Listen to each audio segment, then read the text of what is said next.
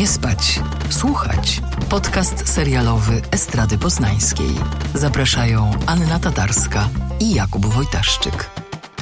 Dzień dobry Państwu, z tej strony Kuba Wojtaszczyk i Anna Tatarska. Dziś za nią wkładamy krynoliny i lecimy na bal w XIX-wiecznym Nowym Jorku, czyli będziemy rozmawiać o pozostanym wieku, nowym serialu twórcy Downton Abbey Juliana Fellowsa.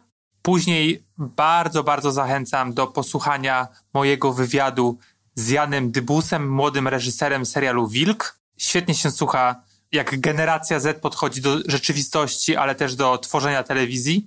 Także Janek się bardzo otworzył w tym wywiadzie, więc tym bardziej polecam. Ale zanim wejdziemy do tego 95 odcinka, Aniu, co u ciebie? Ponieważ y, mamy tutaj spotkanie głosowe, y, to na wstępie mogę powiedzieć, że u mnie takie klasyczne problemy każdego Polaka, y, czyli przeziębiłam się i oczywiście byłam przekonana, że to omikron, ale uwaga, uwaga, nie. To dobrze. Więc to, to, jeszcze, to jeszcze nie ten etap, póki co na teście jednak reseczka, więc jednak było to w jakiś sposób uspokajające, jeśli mogę tak powiedzieć. Tym bardziej, że mam teraz taki dość intensywny moment y, zawodowy. Chociaż mam wrażenie, że co nie rozmawiamy, to ja mam zawsze jakiś intensywny moment, bo ja jestem... Również mam takie, takie wrażenie. jestem kryptopracoholiczką. Chociaż wolę, wolę tak sprzedawać tą wersję, że ja po prostu lubię to, co robię i wtedy praca to nie jest praca. To nieprawda. Jestem, jestem teraz wirtualnie na festiwalu Sundance. E, normalnie jeździłam tam, to znaczy nie chcę, żeby to brzmiało, jakbym tam była 40 razy, co zresztą byłoby niemożliwe, bo przecież mam zaledwie 23 lata. No tak. Nie, byłam na Sundance yy, dwa razy. Sundance to jest festiwal, który dodam, nazywa się Sundance, natomiast nie odbywa się wcale w miejscowości Sundance, to jest częstym błędem. Okay. Odbywa się w miejscowości, która się nazywa Park City yy, w stanie Utah gdzieś pośród e, rezydencji obszarów e, mormonów, ale, ale także rdzennych mieszkańców e, Ameryki, więc to jest taki bardzo ciekawy teren. I festiwal założony w latach 80. przez Roberta Redforda i miał być taką bezpieczną przestrzenią dla kina niekomercyjnego, jeśli mogę tak powiedzieć. No i, i, i, jakoś tak zawsze było moim marzeniem, żeby tam pojechać, co było bardzo trudne ze względów logistycznych oraz, oraz finansowych, bo tu może rozbiję kolejną bańkę, tak ją na, nekuję i ona tak spektakularnie pęknie. Mianowicie jako freelancerka ja w większości pokrywam swoje własne koszty i nie ma żadnej mitycznej redakcji, czy też y, sugar daddy, który kocha kino, który mi płaci za te wyjazdy. Ja tu muszę wszystko po prostu twardo kalkulować i tak robić, żeby mi się te inwestycje, że tak powiem, powiem, zwracały, no ale to Sundance to zawsze było marzenie, więc się tam w końcu y, wysłałam. Y, zresztą z pomocą, y, teraz już to będzie tradycja, że w każdym odcinku będę wspominać swojego narzeczonego, z pomocą swojego narzeczonego, który za pierwszym razem kupił mi na gwiazdkę bilet. Ojej, Co było super, super miłe. Nawet dostałam rysowaną laurkę z trasą. Więc to jest taki festiwal cudowny, gdzie się bardzo fajnie miesza kino takie no, trochę komercyjne z, z kinem absolutnie e, szalonym, może nie tyle eksperymentalnym, bo to nie jest jakby ta strona, tylko takim niskobudżetowym, no takim indie, jak to mówimy, w pełną gębą i też zawsze na Sundance jest cała masa świetnych dokumentów. I ten rok, który jest już niestety drugim rokiem, kiedy festiwal odbywa się online, dodam, że były plany, żeby w tym roku była wersja hybrydowa, ale one ostatecznie chyba dwa tygodnie temu zostały na ostatnią chwilę zmienione w związku z wzrostem e, wpływu omikrona właśnie w, w Stanach i wszyscy przeszli na online, też Amerykanie. Więc e, te dokumenty też w tym roku są, są niesamowite i właśnie na razie oprócz kilku fabuł, które mam nadzieję też do nas trafią i zresztą trafią pewnie też dzięki festiwalom, mam takie trzy, um, trzy dokumenty naj, najlepsze, jeśli mogę powiedzieć, czyli film dokumentalny o Sinead O'Connor, Nothing Compares, mhm. film y, o Aleksieju Nawalnym, Nawalny i przeciekawy dokument o Billu Cosbym. Tak. We need to talk about Cosby. Tutaj mała y, reklama, autoreklama. O wszystkich tych filmach y, pisałam w Gazecie Wyborczej. Bardzo mhm. polecam. Pewnego razu, żyć przerwę, zdradzę nasze zakulisowe rozmowy. Pewnego razu wchodzę na Instagram i Anna postuje co też dzisiaj opublikowała w sieci. Mhm. I były tych artykułów, no ile? Cztery jednego dnia? Wiesz, słuchaj, nie, nie, nie oszukujmy się, to nie jest tak, że one wszystkie cztery zostały napisane tego samego dnia, ale rzeczywiście teraz no, mam bardzo dużo na głowie. To są takie chyba y, nieciekawe y, kulisy y, pracy dziennikarskiej, dlatego że festiwal odbywa się w strefie czasowej czas górski amerykański. I te premiery no, muszą się odbywać w tym samym momencie ze względu tam na jakieś ograniczenia praw, kwestie bezpieczeństwa.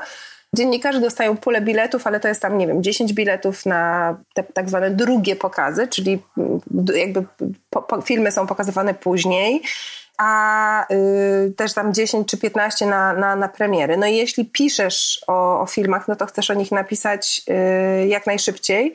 W związku z tym oglądasz te premiery. No i te premiery są na przykład o 2.30 czasu, czasu polskiego. Czy ty wiesz, kiedy, czy i kiedy ten dokument o Kozbim będzie w Polsce? Bo to jest taki e, odcinkowy bodajże, on trwa 400 minut, coś. O, tam są cztery odcinki takie, ja obejrzałam cały, on słuchaj, trwa 300 mm, chyba 80 mhm. minut, więc nie, nie 300, 280, no 4 godziny. Jeśli chodzi o te tytuły, które wymieniłam, a tu jeszcze powinnam dodać film e, The Princess o, o, o księżnej Dianie. Też naprawdę mm. myślałam, że to będzie wtórne, a, a bardzo też mnie okay. zaskoczyło pozytywnie. Te filmy, e, akurat te, e, nie mają jeszcze oficjalnej polskiej dystrybucji, natomiast We Need to Talk About Cosby to jest Showtime i te seriale Showtime trafiają do Polski zwykle na, na HBO. Nawalny The Princess i Nothing Compares to są seriale, które w Stanach ma HBO Max, więc spodziewam się, że prędzej czy później też do Polski trafią, być może również dzięki HBO, a może gdzie indziej, natomiast często tytuły Sundance trafiają na American Film Festival we Wrocławiu, nasze jesienne y, święto amerykańskich indies, ale też bardzo dużo, nie będę mówić których, bo chyba nie mogę zdradzać tytułów, ale chyba pięć tytułów z tegorocznej selekcji Sundance będzie też na pewno na Millennium Dogs Against y, Gravity bo, bo oni też tam zawsze wyszukują sobie tytuły, więc, więc y, to nie jest tak, że ten festiwal się dzieje gdzieś w jakiejś sferze całkiem poza nami, bo te filmy potem tutaj przyjeżdżają i, i można się też samemu do nich, do nich odnieść. No teraz też mija 30 lat, a propos Sundance, ty oglądałaś nowości, ja, staro, ja starości, e, mhm. mija 30-lecie od 30-lecie między innymi e, Wściekłych Psów Tarantino, który miał premierę e, w 92 roku e, właśnie na Sundance i to był taki rok nazywany kluczowym dla właśnie filmów indie. E, no i tam też właśnie było The Living End, na przykład Arakiego, takie filmy, które gdzieś bardzo się mocno odcisnęły, odcisnęły piętno na, na kinie takim właśnie undergroundowym mm, lata później. No i właśnie wczoraj sobie odświeżyłem Wściekłe Psy, no i jednak to jest takie wspaniałe kino, że koniec. Rzadko się zdarza. Ja myślę, że jeśli ktoś jest kinomaniakiem, to obserwowanie tego, co się tam dzieje, jest dla niego ciekawe, bo jednak tam się kreują pewne tendencje. Ja w ogóle mam wrażenie, że ten rok jest nieco słabszy, to znaczy mając w tyle głowy, że na przykład właśnie Sundance często tworzyło takie niezależne y, legendy, to w tym roku raczej nie sądzę, żeby był tam potencjał na coś, co będzie zarówno merytorycznie i artystycznie superwartościowe, jak i z takim potencjałem no, przetworzenia tego w pewien komercyjny hit, ale no właśnie szczególnie dla mnie na tym polu dokumentalnym to jest wydarzenie, którego absolutnie nie, nie chcę przegapić, bo ja lubię kino, które jest z jednej strony właśnie takie oryginalne i, i, i, i ma swój głos, ale jest też oglądalne. Ja jestem w stanie oglądać tru, trudne filmy, filmy, które są niekonwencjonalne, narracyjnie eksperymentują z formą, ale gdzieś w głębi serca jestem po prostu taką zwykłą oglądaczką, która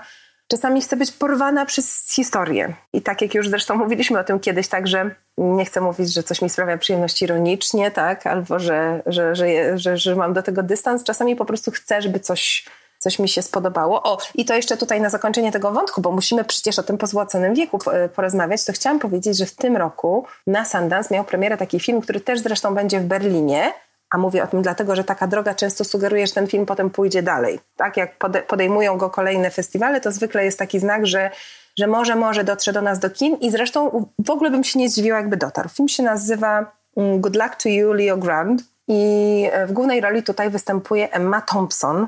Mm, jest to taki komediodramat, aczkolwiek ten termin jest nacechowany w sposób, który nie wiem, czy dobrze rokuje i, i pasuje do tego filmu. O starszej kobiecie, wdowie, która przez całe życie zajmowała się edukacją religijną i która dwa lata po śmierci męża nabiera odwagi i decyduje się na to, żeby się spotkać z takim sex workerem młodym na seks. Okazuje się, że całe życie w domu pokryjomu w jednej pozycji. Oczywiście, jak wiele kobiet, nigdy w życiu y, nie miała orgazmu, w ogóle nie wie, co to jest przyjemność seksu, co to jest inicjatywa w seksie. Ale można byłoby z tego zrobić taki tam taką powierzchowną opowiastkę, prawda, o, o, o, kobiecie, która właśnie jakby odkrywa przyjemność z seksu. Natomiast ten film po prostu sięga o wiele, wiele szerzej, ponieważ jest opowieścią o ciele i to ciało Emmy Thompson, która, no nie mogę zdradzić chyba zakończenia, a chociaż, a tam, powiem nie tylko, zdradzaj. nie zdradzę zakończenia, ale powiem tylko, że w tym filmie jest scena jak Emma Thompson i nie dublerka Emmy Thompson, ale Emma Thompson stoi nago przed lustrem w pełnej krasie i ta scena trwa może minutę. Ona po prostu stoi przed tym lustrem i się ogląda. I jakby i to jej ciało w tym kontekście ma taki sens, bo to jest film o, o, ciele, tak? O ciele, które ma swoje potrzeby, które zasługuje na czułość nie tylko drugiej osoby, ale też od nas. E, o ciele, które zasługuje mm, na, na zrozumienie, na cierpliwość, e, na przyjaźń. Ale też ten młody chłopak, który tam się pojawia, ta relacja jest niesamowicie poprowadzona, bo ona trochę go traktuje jak syna, a jednocześnie jednak przecież uprawiają ten seks. Ona też jemu w jakiś sposób y, pomaga, chociaż początkowo y, ten jej stosunek do niego go jakby trochę irytuje, no bo on tam przychodzi z pewną personą, prawda? Z personą tego, tego, tego, tego seksownego seksworkera, a, a nie ze swoją osobistą historią. Nie chce z nią rozmawiać o swoich problemach z matką, tak? Tylko, tylko jest tam, żeby uprawiać seks ale też y, ten film ma ten wątek, o którym my często mówimy, tak zauważyłam, który dla mnie osobiście jest niezwykle ważny, czyli że w odpowiednich warunkach, przy odrobinie dobrych chęci, światy, które są pozornie, całkowicie rozdzielne, naprawdę są w stanie się spotkać, tylko po prostu trzeba spojrzeć na siebie i się nie tylko widzieć, ale też się dostrzec. Więc y, polecam Państwu sobie zrobić mentalną notatkę. Good luck to you, Leo Grand wspaniały film i myślę, że, że no na pewno przynajmniej na festiwal jakiś do nas trafi, chociaż spodziewam się, że, że ktoś go podejmie e, do, do dystrybucji, bo naprawdę zdecydowanie dobrze e, rokuje. To jest trochę innowacyjne jednak, jak mowa o ciele starszej kobiety.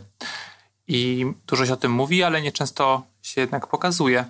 A tutaj dostajemy, tak jak mówisz, film, który jest taką kwintesencją tego ruchu, nie wiem, czy body positive, czy, czy bardziej, e, że, że pokazujemy aktorki, które najczęściej nie mają co grać w filmach, e, no w takim niekonwencjonalnym anturażu. Fantastyczne według mnie tutaj jest to, że Emma Thompson nie została do tej roli, jak to się mówi, zrobiona. Tak? Ona, ona nie gra tutaj tak jak często starsze aktorki mają role takie patrz, jestem w 50 plus, ale jestem wciąż atrakcyjna, tak? Nie, ona tam wchodzi do, do tej przestrzeni w tej garsonce i my wiemy, że ona jest piękna, tak? Że jest atrakcyjną kobietą. Pamiętamy ją z tych wszystkich, y, z tych wszystkich ról, chociaż ona jest bardziej taką angielską różą niż seks bombą, ale jest atrakcyjna, uważam, y, bardzo. I jakby na naszych oczach rozkwita, ale ten rozkwit jest bardzo subtelny i widać, że on płynie z procesu jakby otwierania się na siebie. Otwierania się na siebie, na doznania swojego ciała, na drugiego człowieka, a nie z takiego pseudo coacherskiego, musisz się pokochać, każde ciało jest piękne. Ten proces jest subtelny, głęboki i, i, i, i zniuansowany i to jest taki film, że ja sobie wyobrażam dziewczyny nastoletnie, o ile nie są jakieś takie obudowane uprzedzeniami i nie powiedzą na widok ciała 60, 60 plus fu, ale też wyobrażam sobie y, babki właśnie 40, 50, 60-letnie, które będą oglądać ten film i myśl, myśleć sobie ojejku, no to chyba jednak y, jest o mnie. No bo ja myślę, że ten film też jest o mnie w pewnym, w pewnym sensie, chociaż moja droga jest całkiem całkiem inna, tak? Ale, ale to uczucie odcięcia od swojego ciała, od jego potrzeb, wstydu za ciało, prób udawania, że tego ciała nie ma i funkcjonowania mimo ciała, a nie z ciałem, myślę, że to jest coś, co znamy wszyscy i wszyscy właśnie, nie, nie wszystkie, wszyscy, więc, y, więc naprawdę no, bardzo, bardzo wyjątkowa pozycja. W dużej mierze o kobietach opowiada nowy serial y, Juliana Fellowsa. Czytałem, że twórca Downton Abbey wpadł na pomysł tego tego serialu przy researchu właśnie do tego ilu ośmiosezonowego serialu brytyjskiego, kiedy właśnie szukał informacji o bogatych Amerykankach, które dla tytułu wychodziły za mąż za podupadłych lordów, oczywiście dając im pieniądze, dając pieniądze im rodzinie, e, ich rodzinie, wchodziły do takiej śmietanki brytyjskiej. Podobnie postąpiła Cora w Downton Abbey właśnie, tylko że oczywiście jak wszystko w tymże serialu było dokonywane z miłości i z po prostu z, z czystego serduszka. No i teraz dostajemy pozłacany wiek. New York is a collection of villages. The old have been in charge since before the revolution, until the new people invaded. Well, I'm new. I've only just arrived. You are my niece, and you belong to old New York. XIX wiek, Nowy Jork. Proszę, Aniu, powiedz, o czym ten serial jest. Tak jak wspomniałeś, e, przestrzenią, w której się e, rozwija akcja jest Nowy Jork i to jest e, druga połowa, bliżej końca XIX wieku.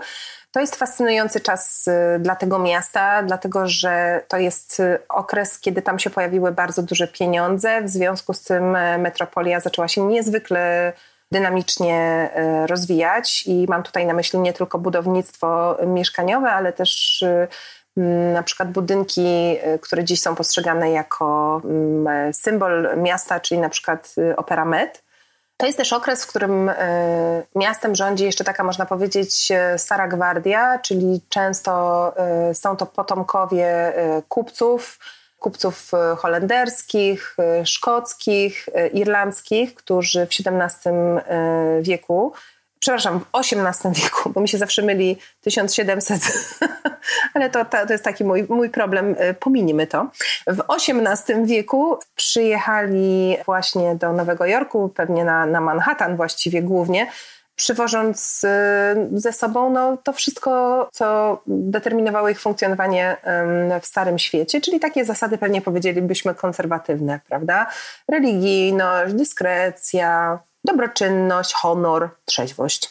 No i powiedzmy, że w momencie, w którym serial się zaczyna, to Nowym Jorkiem jeszcze y, rządzą, y, y, trzęsą głównie panie z socjety, które reprezentują właśnie ten, ten stary porządek. To jest też czas, w którym kobietom formalnie nie przysługują jeszcze, jeszcze prawa, Oczywiście mm, jakby, nie wiem, prawa do dysponowania mm, na przykład, nie wiem, własnym kontem bankowym, no to to w ogóle jest 100 lat później się wydarzyło w Ameryce, prawda? Ale też y, kobiety nie pracują. Y, właściwie jedyną szansą na takie porządne, mocne osadzenie się w, w społeczeństwie jest y, sprytne wyjście za mąż, czy też wydanie córki za mąż, za, za właściwą osobę nie mogą też raczej same chodzić po ulicy, w sensie mogą, tak. ale no nie jest to mile widziane? Nie, nie, no właśnie o to chodzi, że to jest postrzegane jako takie nieprzyzwoite, tak? To jeszcze tutaj wracamy do tych, do tych wartości konserwatywnych e, przy, przy, przywiezionych tam. No nie mogą też oczywiście e, głosować, mimo że, i to jest według mnie ciekawe i też w serialu jest pokazane, te ruchy sufrażystek e, już wtedy w Stanach nabierają tempa, bo bo tak jak powiedziałam, akcja rozgrywa się pod koniec XIX wieku, natomiast te ruchy y, emancypacyjne w Stanach y, właściwie w połowie wieku już, już tam y, się coraz mocniej mm, odzywały, były, nawet powstawały różne, różne organizacje, były jakieś tam pierwsze protesty, więc um, ten temat wśród wyedukowanych i interes, zainteresowanych światem kobiet na pewno był obecny i jest też obecny w rozmowach e, bohaterek. No i Mamy tutaj takie dwie y, ciotki klotki, y, grane przez Christine Barański i Cynthia Nixon. Jest starsza siostra Agnes, która jest wdową, bardzo, bardzo zamożną. Ona zdążyła wyjść, wyjść za mąż. Oczywiście w domyśle nie było to małżeństwo szczęśliwe, no ale powiedzmy, że profity w postaci pozycji i, pieniędzy, pieniędzy były. Agnes ma syna a Ada, y, czyli Cynthia Nixon, jest starą panną, nigdy nie wyszła za mąż, mimo że tam y, były, były podchody, ale jakoś tak wyszło, więc jest w pewnym sensie też podwładną y, starszej, starszej siostry. Ale to ona jest znacznie bardziej otwarta na nowości i z zainteresowaniem przygląda się temu, co się dzieje po drugiej stronie ulicy, gdzie kończy się budowa gigantycznej willi, oczywiście zbudowanej w całkiem innym stylu niż wszystkie domy w okolicy. Zapewne wszystkie te domy budował jeden architekt, tutaj nagle się pojawił nowy, wiemy jak to jest, jak się coś... Z bardzo, Europy. No właśnie, w ogóle szok, szok i skandal. I tak samo tymi wydarzeniami po drugiej stronie ulicy jest zainteresowana y, siostrzenica sióstr, Marian, w tej roli Louisa Jacobson, to jest najmłodsza córka y, Meryl Streep. Marian jest ich bratanicą, ten brat, który zresztą y, zmarł, y, zmarł niedawno, to jest taka persona non grata w, w rodzinie. Y, starsza Agnes no, ma na jego temat bardzo złe zdanie, A Marian można powiedzieć, że bardzo Ace'a kochała, ale chyba dopiero po śmierci się przekonała, że miał swoje sekrety i jednym z nich było to, że jak umarł, to się okazało, że nic jej nie zostawił. Nic. Na przykład. Nic, nawet ani domu, nic, nic. Ona dosłownie nie ma nic i dlatego do tych ciotek musi przyjechać. Ale jest też dziewczyną taką bardzo samodzielnie myślącą, może nie taką wojującą emancypantką, ale, ale na pewno osobą świadomą, która nie widzi swojej przyszłości jako jak to się mówi, arm candy, e, taki, prawda, ozdobniczek podający obiad na ramieniu e, dobrze sytuowanego męża. No i w tej wizji jej przyszłości wspierają taka przyjaźń nawiązana dość, dość przypadkowo z Peggy Scott. Peggy Scott w tej roli e, świetna, debiutująca Dene Benton, młoda afroamerykanka, która pochodzi z bardzo wpływowej, czarnej rodziny w ogóle w Nowym Jorku, ale z tego Nowego Jorku wyjechała, bo właśnie jej wizja swojej przyszłości się nie zgadzała z tym, czego chcieli dla niej rodzice. Tu ten sam problem, czyli rodzice chcieli, żeby ona po prostu dobrze wyszła za mąż, ewentualnie przejęła z mężem rodzinny biznes, e, a ona chce być pisarką i pisarką, dziennikarką i samodzielnie decydować o swojej karierze. No i jeszcze powinnam dodać, że w tej willi po drugiej stronie to właśnie siedlisko wszelkiego zła, Tamże mieszkają państwo Russell. Tutaj w tych rolach e, Carrie Kun i, i Morgan Spector mają dwoje dzieci. No i mm, cały plan jest taki, żeby swoje gigantyczne, nowe e, pieniądze zainwestować nie tylko w rozwijające się biznesy męża, ale też we wkupienie się w łaski e, właśnie śmietanki i elity Nowego Jorku, ale jak się można domyślać, idzie to. Jak po gruzie. No niezwykle opornie. tak. No i oczywiście w tle seks, zdrady, śmierć. Jaki seks, jakie zdrady, tam nic nie ma. Cicho, seks jest w domyśle. Czy ty musisz po prostu zawsze mieć wszystko podane na talerzu? Tak, wszystko muszę mieć. Proszę mi pokazywać, bo jak opowiadasz o tym serialu, jak streszczasz, to jest właśnie to, co, co chciałem chciał uzyskać. zobaczyć i nie zostało, nie ma tam. I nic nie zostało mi, nic nie zostało mi podane, nawet, nie wiem, na podstawku. Ja bardzo lubię takie seriale. Downton Abbey to był jeden z moich ulubionych. Oczywiście były wzloty i upadki, ale generalnie takie zaglądanie za, mm, za żaluzję czy za, za kotarę tych wielkich domostw, to, w to mi graj. I po prostu, wiesz, nie możesz tak żyć, ale możesz sobie to wyobrazić dzięki, dzięki Fellowsowi, który przecież jest twórcą, no raczej dobrym bo na przykład jego film, jak on się nazywał, ten co napisał scenariusz. Gosford Park? Masz na myśli? Tak, no dostał Oscara, Oscara tak. generalnie to są takie rzeczy, które które są mi bliskie, powiedzmy. I tutaj jeszcze ten Nowy Jork, XIX wiek, czyli temat trochę nie zgłębiony, bo nie miałem pojęcia, że były takie tarcia pomiędzy śmietanką, wiesz, tą, która przyjechała na Mayfla- May, jak to się nazywa, Mayfire, Mayflayer, ten, ten taki statek z Europy przez XVII wieku, który przyjechał do, do Ameryki. Mayflower. Z, e, tak, Mayflower, tak, z imigrantami z, z Europy. I wiesz, i z tą nową taką nowobogackimi ludźmi, którzy się no, z nizin społecznych wywodzą. Nawet jest taka scena przy stole, to jest też taki błąd trochę w scenariuszu, bo gdzieś tam jest po prostu rzucone niedbale, że bohaterka grana przez Kerry Kun, znaczy gdzieś tam jej rodzina pracowała w polu. I generalnie to jest tak rzucone, no niedbale dosyć. I e, ja wiem, że tobie ten serial się bardzo podobał. Zaraz do tego dojdziemy dlaczego, ale ja powiem, dlaczego ja chciałem sobie wytłubać oczy podczas oglądania, ponieważ mam wrażenie, to jest dla mnie taki naj, największy minus, jest to, że tam nie ma fabuły. I że ta fabuła e, jest popychana e, i tworzona na prędce przez takie zaskakujące, trafne zbiegi okoliczności. Na przykład Peggy, czyli ta czarna, aspirująca pisarka, ma kłopot no i prosi o pomoc Marion, czyli e, córkę Meryl Streep, żeby skonsultowała się z tym zaprzyjaźnionym prawnikiem, który oczywiście ma się ku ku tej Marion. No i ta Marion jakby nie robi tego wprost, w sensie nie pyta go, ej, słuchaj, mam problem, tylko czeka, jak on zapyta ją o to, czy jest coś, co może dla niej zrobić. No ale to tu muszę ci się wciąć, dlatego że y, jak, jak wiesz, miałam przyjemność rozmawiać z obsadą, zresztą jak nam wiatry techniczne dobrze powieją, to w, to w przyszłym tygodniu y, też trochę posłuchamy tych rozmów. I uwierz mi, że we wszystkich rozmowach z aktorami głównie przewijał się wątek etykiety i takich codziennych ograniczeń, to znaczy wszyscy mówili właściwie to samo. Nam się wydawało, że wiemy, jak bardzo wtedy było inaczej niż teraz, ale dopiero jak weszliśmy na ten plan, oczywiście też w tych kostiumach, które zmieniają odczucie w ogóle własnego ciała, bycia w przestrzeni, postawę itd., tak itd., tak i mieliśmy e, do zagrania tam kolejne sceny, a przy planie stał e, zawsze i nadzorował wszystko ekspert, taki jakby od historycznego savoir-vivre, to dopiero wtedy dotarło do nas na jak po prostu drobiazgowym, szczegółowym poziomie regulowane tak jakimiś arbitralnymi y, zasadami, które oczywiście z dzisiejszej perspektywy się wydają wręcz absurdalne, było tamte życie. Sytuacja, którą opisujesz, jest idealnie historycznie prawidłowa, dlatego że nawet Marian, która jest stosunkowo, mm, tak jak powiedzieliśmy, no, nawet nie tyle wyemancypowana, bo ona nie może być wyemancypowana, tak? bo jednak ciotki, które ją kochają, według mnie wyrzuciłyby ją z domu, gdyby zaczęła bardzo głośno mówić o tym, mm, co, co czuje i jakie ma intuicje. I też ten bunt jest taki w, w granicach możliwości, mogłabym powiedzieć, czyli taki na, na, na, na maksa y, subtelny.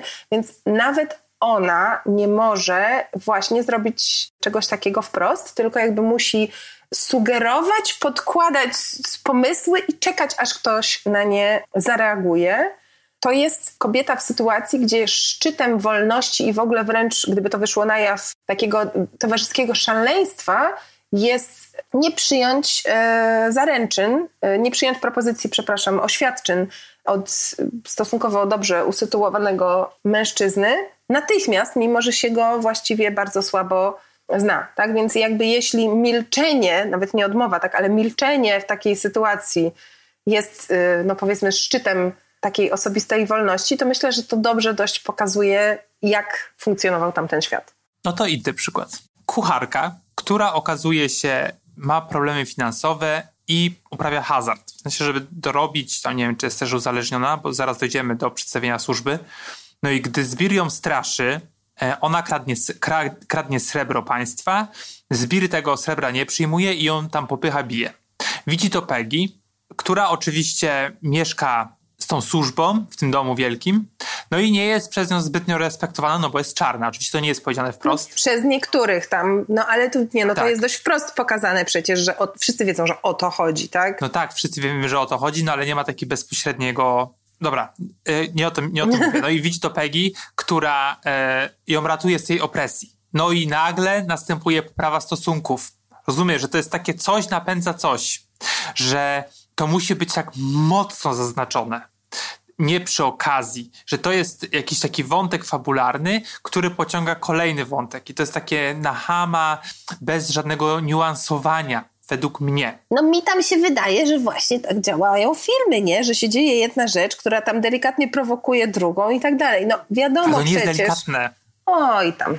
No dobra, dobra. próbuj, próbuj dalej, no. Dalej próbuję. Uważam, że Fellows jest hipokrytą, ponieważ mówi się cały czas w Hollywood i generalnie na zachodzie, że wprowadzamy zdywersyfikowaną obsadę, że pokazujemy wątki, tak jak przy okazji naszej rozmowy, czy twojego monologu bardziej o filmie y, z Emmą Thompson, że pokazujemy rzeczy, które są nie takie oczywiste, które nie były. No i więc służby, jakby idąc tym tropem, służba jest tutaj tylko zaznaczona delikatnie. Oni właściwie, jeżeli pojawiają się ich wątki, to w dużej mierze, nie zawsze, ale w dużej mierze dotyczą państwa. I jakby dookreślają, dookreślają pozostałych bohaterów, pozostałe bohaterki, którzy są tam na, na wyższym szczeblu.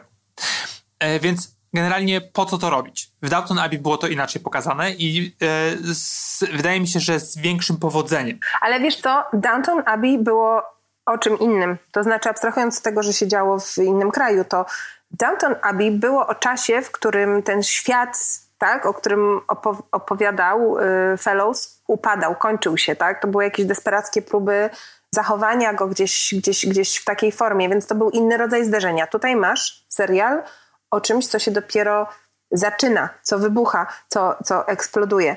Z tej perspektywy przesunięcie akcentu jednak na tych, jak mówisz, państwa wydaje się zrozumiałe, ponieważ to są postaci w filmie w większości fikcyjne, ale też wzorowane na jakby prawdziwych postaciach, które, tak jak nie wiem, Vanderbiltowie, są po prostu twarzami Nowego Jorku, tak? To są nazwiska, które zbudowały to miasto yy, w takim kształcie, w jaki on jest. Więc ja bym nie powiedziała, że na przykład to, że y, tutaj jest, nie wiem, mniej miejsca dla, dla służby, jest y, wiesz, y, hipokryzją. Hipokryzją byłoby udawanie, że tej, że tej służby nie ma, tak? Oni są, są uwzględnieni, mają swoje osobne wątki. No. Jest próba przedstawienia ich. Ich jest też, umówmy się, bardzo dużo, tak? Bo o to też chodzi i to jest interesujące, że ten serial pokazuje świat, w ogóle świat sprzed podatku dochodowego, o tym, o tym warto wspomnieć, więc każdy, kto prowadzi na przykład działalność gospodarczą jest w stanie sobie wyobrazić, co to znaczy. Ludzi, którzy zarabiali pieniądze dzisiaj porównywalne, nie wiem, z fortuną Jeffa Bezosa, tak? Dzisiaj masz Jeffa Bezosa, to zresztą, który mówi sobie, o nie wiem, polecę na Marsa, no i psz, załatwione, nie? Lecę na Marsa, nie wiem, a w ogóle skolonizujmy jakąś planetę. Dobra, załatwione. No wtedy nikt nie latał w kosmos, ale to był podobny poziom mm, jakby możliwości, jeśli chodzi o finansowe ekstrawagancje. No tak, ale to nie, no, ale to nie jakby nie, nie minimalizuje czy nie wyłącza tych ludzi, którzy dla nich e, pracowali, żeby mieli pra, e, pełnoprawne wątki, zwłaszcza, że wątki, które są prowadzone wśród tych bogatych, no, są raczej nieciekawe. Tu się, wiesz, tu się mogę z tobą tylko nie zgodzić, bo dla mnie one są, są ciekawe, ale powiem ci tak, myślałam o tym ostatnio po naszej rozmowie o Afterlife, bo ty powiedziałeś wtedy coś takiego, że jakby kolejny serial tam o białym kolesiu i tak dalej. I wiesz dobrze, że ja naprawdę rozumiem i jakby dla mnie to, że, że ten świat filmu się zmienia i się otwiera i że jest więcej perspektyw wszystkich innych niż perspektywa białego, białego faceta, tak? Bo ja też, to jest super. I ja jako dziennikarka też byłam zmęczona. No chociaż ta moja zawodowa aktywność to jest ostatnie tam, nie wiem, kilkanaście y, lat. Też byłam zmęczona słuchaniem, że no tak, to może tutaj, prawda, scenariusz napisał mężczyzna, wyreżyserował mężczyzna, ale przecież te nasze postaci są takie, y, takie pogłębione, te postaci kobiece. Więc ta, ta zmiana, ta dywersyfikacja, to otwarcie i dopasowanie świata filmu do rzeczywistego świata i jego poziomu zróżnicowania bardzo mnie cieszy. Ale jednocześnie zrozumiałam, że mam w sobie też taką pewną niezgodę na to mówienie, że no właśnie, że dlaczego tutaj, dlaczego kolejny serial o białym typie z depresją, nie? Albo dlaczego tutaj jest państwo bardziej, a nie służba? Bo to jest serial o państwie, a nie o służbie, tak? Tak samo, to tak jakby zarzucać, nie wiem, Bridgertonom, że zrobili właściwie taką paramusicalową, jakąś erotyczną fant fantazję e, w klimacie tych książek Eriki Young o, o, o, o przygodach Fanny, nie? Że jakby nie chcę tego, bo chcę co innego. No właśnie o to chodzi, że chodzi o to, żeby było kino dla wszystkich. Może to nie jest to, co jest, nie wiem, dla ciebie i to jest okej. Okay. Tak sobie myślę, że wiesz. No, dobrze. Mm? No to i inne podejście do tego samego wątku. Uważam, że Fellows bardzo wygodnie obsadza Peggy. W sensie idzie dalej tym wątkiem, że powinniśmy bardziej zdywersyfikować. No i mamy tą Peggy, która jest czarna, która bardzo wygodnie zaczyna mieszkać u Krystyn Barański i Cynthia Nixon, żeby jakby na maksa zminimalizować. Ona jest taką reprezentantką tych czarnych, co jest absurdalne. I te wątki tej rodziny do trzeciego odcinka, na którym ja skończyłem, są właściwie tylko zarysowane. Dla mnie byłoby ultra ciekawe, żeby pokazać obie narracje, nawet jeżeli ta, tych czarnych byłoby stosunkowo nie mniej, bo on nie wiem, nie wyznaje się na tym, nie jest nad Fellows, czy ten research nie był taki głęboki, bo mówimy o tym, że to jest uprzywilejowana rodzina czarnych, gdzie się pojawia jakby jest to lekko zarysowane. Jakże to byłoby ciekawe pokazać, jak te perspektywy są różne. I to jest pokazane dalej, to ci mogę powiedzieć, bo widziałam więcej odcinków, chociaż też nie, nie wszystkie. Yy, zgadzam się z tobą, że bardzo ważne jest, żeby to pokazać. Oczywiście, że to nie jest pokazane w pełnym zakresie, no bo nie wiem, nie jest to serial kolej podziemna, prawda, tylko pozłacany wiek i, i, i, i ten zakres bohaterów, którzy mogą tu być brani pod uwagę, nawet przy założeniu, że pozwalamy sobie na kreację i fantazję, jest ograniczony, ponieważ tak się składa, że niestety, ale w tamtym czasie ludzie wpływowi byli w większości biali. Natomiast y, mnie się podoba ten zabieg, że y, zarówno Marian, jak i Peggy wychodzą w pewnym sensie z bardzo podobnej sytuacji. Tak? Spotykają się na stacji um, kolejowej, obie opuszczają um, to samo miasto, jadą do, do Nowego Jorku i już na wstępie masz odwrócone role. To Marian nie ma nic i Peggy jej pomaga potem, mimo no, że wiesz. Specjalne. No, oczywiście, że to jest specjalnie, bo w kinie wszystko jest zaplanowane i, i, specjalne, ale potem, jak trafiają do tego domu, to Marion tylko przez to, że ma właśnie tę protekcję rodziny, która ma pozycję taką, jaką ma, bo była białą rodziną w czasach, kiedy tylko biali ludzie mogli robić karierę i kiedy w ogóle przecież jeszcze trwało yy, niewolnictwo tylko dlatego, że jest tą y, bratanicą, to dostaje pokój na prawda, y, y, piętrze dla, dla, dla państwa, a Peggy, która jest być może od niej przecież bardziej wykształcona, być może bardziej inteligentna i pochodzi z dużo lepiej finansowo, podejrzewam, sytuowanej rodziny, ale podjęła decyzję, że chce się tej rodzinie sprzeciwić, tym samym odcinając się no jakby w dużym stopniu od pieniędzy i, i pozycji, którą bym miała w swoim społeczeństwie, ląduje na piętrze dla służby.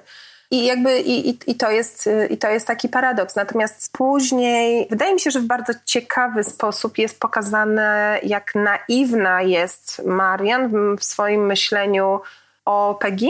E, ma jakieś wyobrażenie na jej temat, trochę się do siebie zbliżyły, wydaje jej się, że ją zna, i tam jest taka scena, której nie chcę, nie chcę zdradzać, w której się okazuje, że ją bardzo źle, bardzo stereotypowo oceniła i będzie jej bardzo wstyd e, z tego powodu, mimo że rzeczywiście miała, e, miała, miała dobre chęci. I wiem właśnie też i z czytania, i z, i z tych rozmów, że ten świat yy, powiedzmy czarnej wyższej klasy średniej, do którego należy tutaj bohaterka właśnie Peggy, bohaterka Dene Benton, to jest świat, który yy, mimo, że jest opisany, to jest taka historia alternatywna w Stanach. Tak? To na przykład nie jest coś, czego się uczy w szkołach, to nie jest coś, co jest w tych głównych książkach o, o historii. Trochę tak jak, nie wiem, artystki, kobiety artystki w, wiesz, w, historii, w historii sztuki były, ale ale gdzie? Tak musisz sobie sam, e, sam się dogrzebać. Mm, więc no znowu, biorąc pod uwagę, że nie możesz zrobić serialu o wszystkim i biorąc pod uwagę realia ówczesnego społeczeństwa, proporcje w obrębie grupy, o której opowiada serial, to mnie się jednak wydaje, że tam zostało wyciśnięte z tego tyle, ile może być. I nawet jeśli założymy, że te postaci są w jakiś sposób stereotypowe, a pewnie są, bo każda u sobie jakąś ideę, tak, jakiś jakiś taki archetyp y, z, z, z tamtych czasów, to akurat Peggy jest tu najbardziej po prostu pozytywną, y,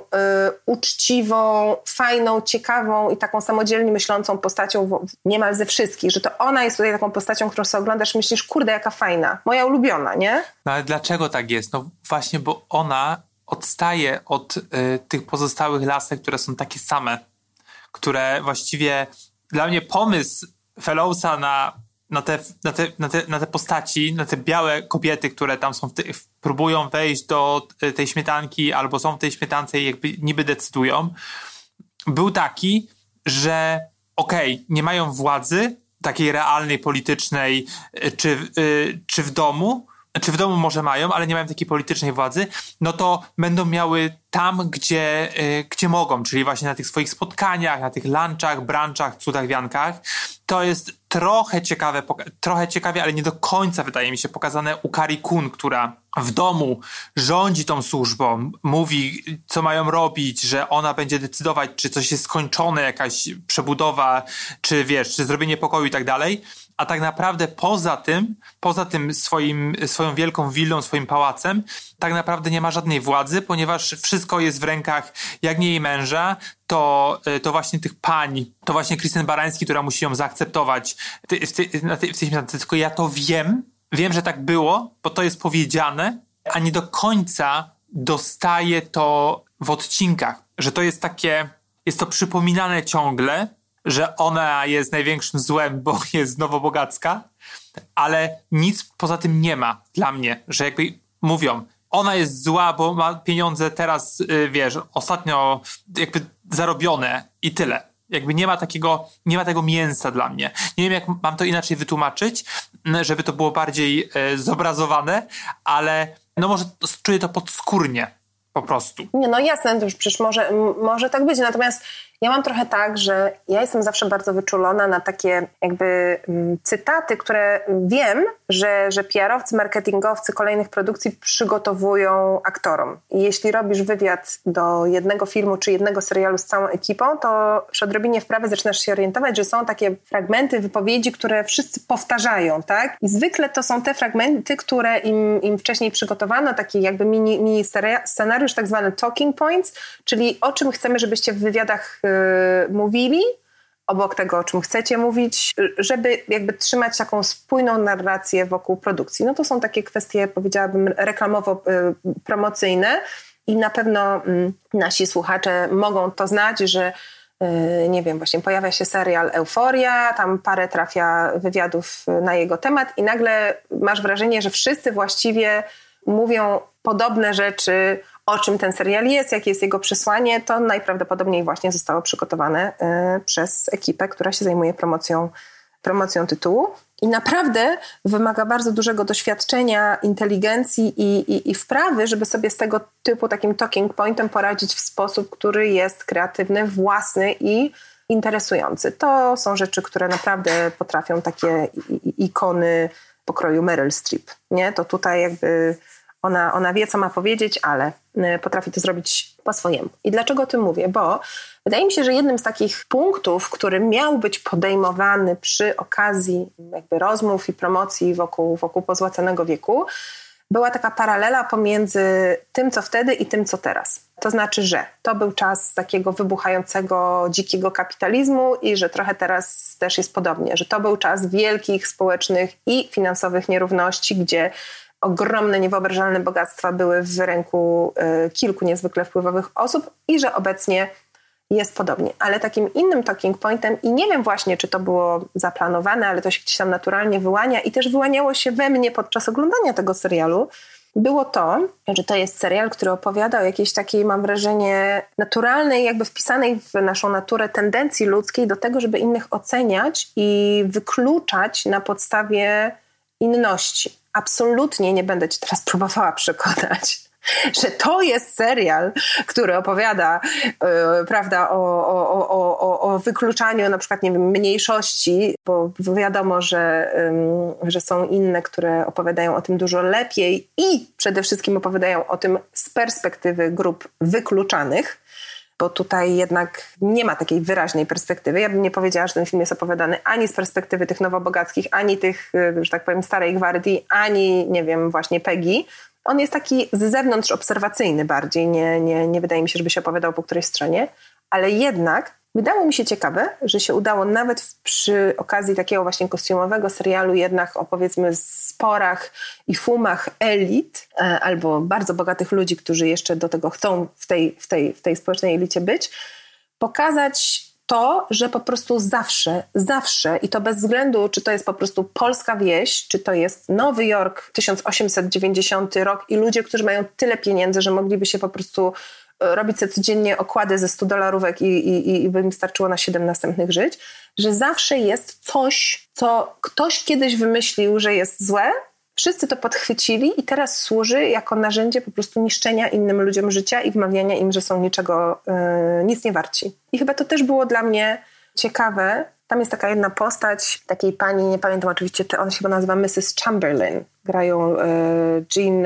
Triplehorn i to jest po prostu, to jest, to jest bardzo fajna rola, to jest po prostu największa persona non grata. Ona nie jest taka nowobogacka do końca, ale tam jest dość jasno powiedziane, że ona została wykluczona i oni naprawdę ją traktują jak największe zło. Jak ona po prostu się pojawia na horyzoncie, to ludzie się rozpieszchają, tak jakby miała, wiesz, napisane na czole koronawirus, rozumiesz, omikron. Bo ona y, zostało wyliczone przecież, że jej dziecko to jest y, jednak y, starsze niż jej ślub. Czyli wszyscy wiedzą, że był seks przed ślubem. Rozumiesz? I ta jedna rzecz, i pal licho, że babka ma wspaniałą kolekcję sztuki, świetny gust, że jest inteligentna, że chyba z tym mężem to w sumie tworzą niezły związek. Jakby nieważne, nieważne, ale po prostu było dymanko, no. Koniec. No tak, tylko widzisz, te rzeczy na papierze brzmią bardzo fajnie, ale dla mnie... Nazywasz mnie papierem. Dla mnie na... Po prostu w twoim głosie brzmi wspaniale, jak poezja. E, ale jak to oglądam, to gdzieś to jest wszystko zakopane pod, nie wiem, marną scenografią, marnymi efektami specjalnymi jak z gry SimCity, złym castingiem. Gdzieś to wszystko po prostu, ja muszę się dogrzebywać tego wszystkiego. I to mi najbardziej zgrzytało, że masz ten odcinek, który trwa, pierwszy trwa w ogóle godzinę 20, później już trochę krócej. One są koło godziny. Ale mhm.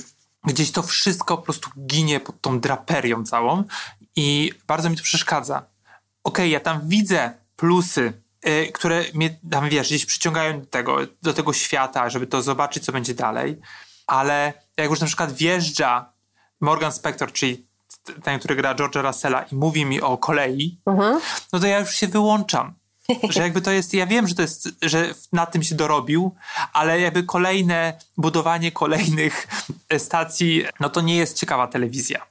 Dla mnie. Dla ciebie może jest, jakby w sensie spoko, ale... E... Tak, bo ja lubię pociągi. No, ale okej, okay, dobra. E, to jeszcze porozmawiajmy, bo czas nas goni. O castingu. Ja powiedziałem, że jest zły i powiem ci, dlaczego tak myślę. A ty mi podasz proszę, proszę A ja ci powiem, dlaczego nie masz racji. No. no.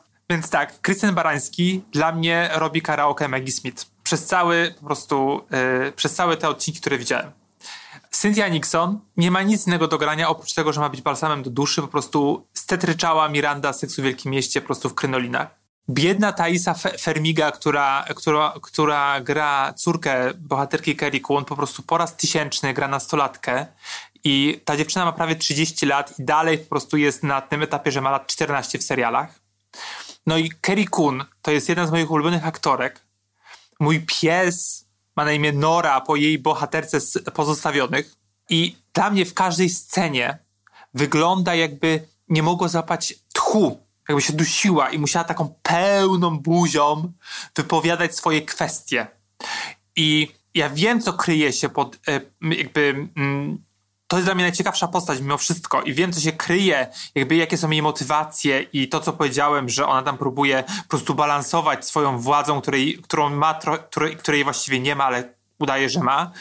I dla mnie to jest za mało, że w sensie, że, że to nie jest ta postać, to nie jest ta aktorka, która powinna tam, e, powinna się tam pokazać i faktycznie dla, najciekawsza jest dla mnie Dene Banton, o której wspominałaś, że, że takie życie życie tam gdzieś wpuszcza w tą swoją postać, w swoją Peggy, ale z kolei no jeszcze jest ta Louisa Jacobson, czyli córka um, Meryl Streep i przez chyba dwa odcinki mówię, skąd ja znam tą twarz?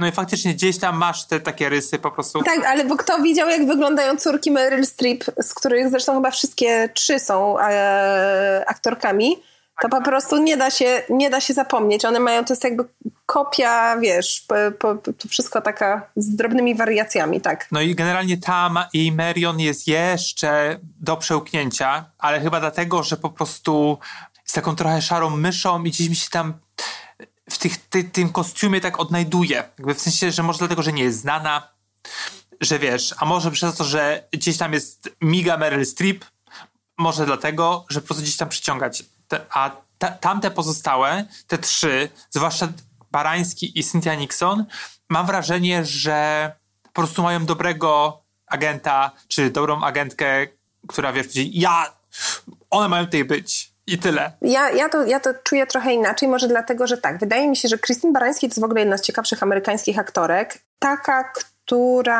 przez lata była w nieoczywisty sposób atrakcyjna, bo z jednej strony jest kobietą piękną, uważam, ale ma w sobie coś zarówno surowego, ale też coś z nerda, jakiś, nie wiem, może, może to jest y, ten idealny uśmiech, może to jest taka surowość w jej twarzy, ale mm, po prostu trudno jest ją zaszufladkować. Dlatego dla mnie w roli kobiety, która z jednej strony jest po prostu do bólu służbista i, i, i żyje właściwie idealnie według listy y, wymogów i, i, i zasad, a z drugiej strony masz tam zasugerowane, że jest taka, jaka jest, bo właśnie była po prostu kolejną kobietą w tym systemie, wydaną za mąż za kogoś, kogo pewnie nie kochała, z kim była nieszczęśliwa, z kim być może była w ogóle w przemocowym związku. Wydaje mi się, że to też jest tam jakoś e, delikatnie, delikatnie podrzucone.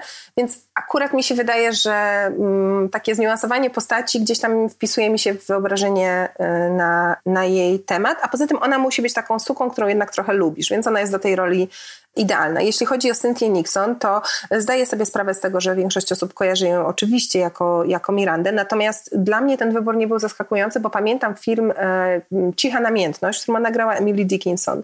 I dla mnie to jest przedłużenie tej części jej ekranowej osobowości, czyli właśnie postaci miękkiej, delikatnej, subtelnej, może trochę niezdecydowanej, romantycznej. I według mnie ona jako taka ta idealistka, ciotka Ada, ale taka totalnie stłamszona, też w pewnym sensie postać, która w tamtych czasach była wykluczana, no bo Sara Panna, gdyby nie protekcja tej bogatej siostry, nie miała żadnych, żadnych praw, tak?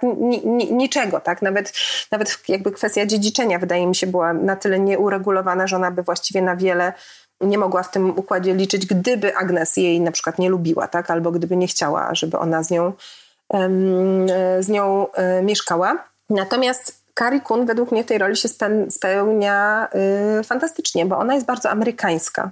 Ja nigdy nie wiem, co, co, to, co to znaczy, dla kogo, tak? ale dla mnie ona jest taka bardzo amerykańska w sposobie wyrazu, że ma z jednej strony coś takiego właśnie niemal arystokratycznego, trochę wyniosłego, nie zagrałaby ci wiarygodnie takiej, wiesz, dziewczyny z sąsiedztwa słodkiej. Nie wiem, ma w sobie coś takiego, że myślisz sobie i myślisz, okej, okay, ta dziewczyna mm, trochę to jest co innego. Ona jest pewnie, nie wiem, bardziej pewna siebie, może jest trochę zadufana w sobie. Jakoś ma coś takiego w tej, w tej obecności i według mnie też, też taka jakby niezależność i zdecydowanie była fantastycznie podkreślona w jej roli w filmie Gniazdo, gdzie grała żonę, żonę Juda Lawa. Zresztą bardzo ten film polecam. Uważam, że jest że jest świetny. Wspaniała scena z głową konia. I jakoś, jakoś mi się to wszystko zgrywa tutaj w, w tej postaci, która na zewnątrz, zarówno w swoim związku, który i tak jak na tamte czasy przecież był niezwykle, można powiedzieć, demokratyczny, nawet zdaje się, że jest w nim uczucie i, i, i, jakieś takie wzajemne przyciąganie, co w ogóle jest już jakimś takim niespodziewanym bonusem w czasach, gdzie, gdzie te relacje często były relacjami w ogóle całkiem obcych ludzi, tak?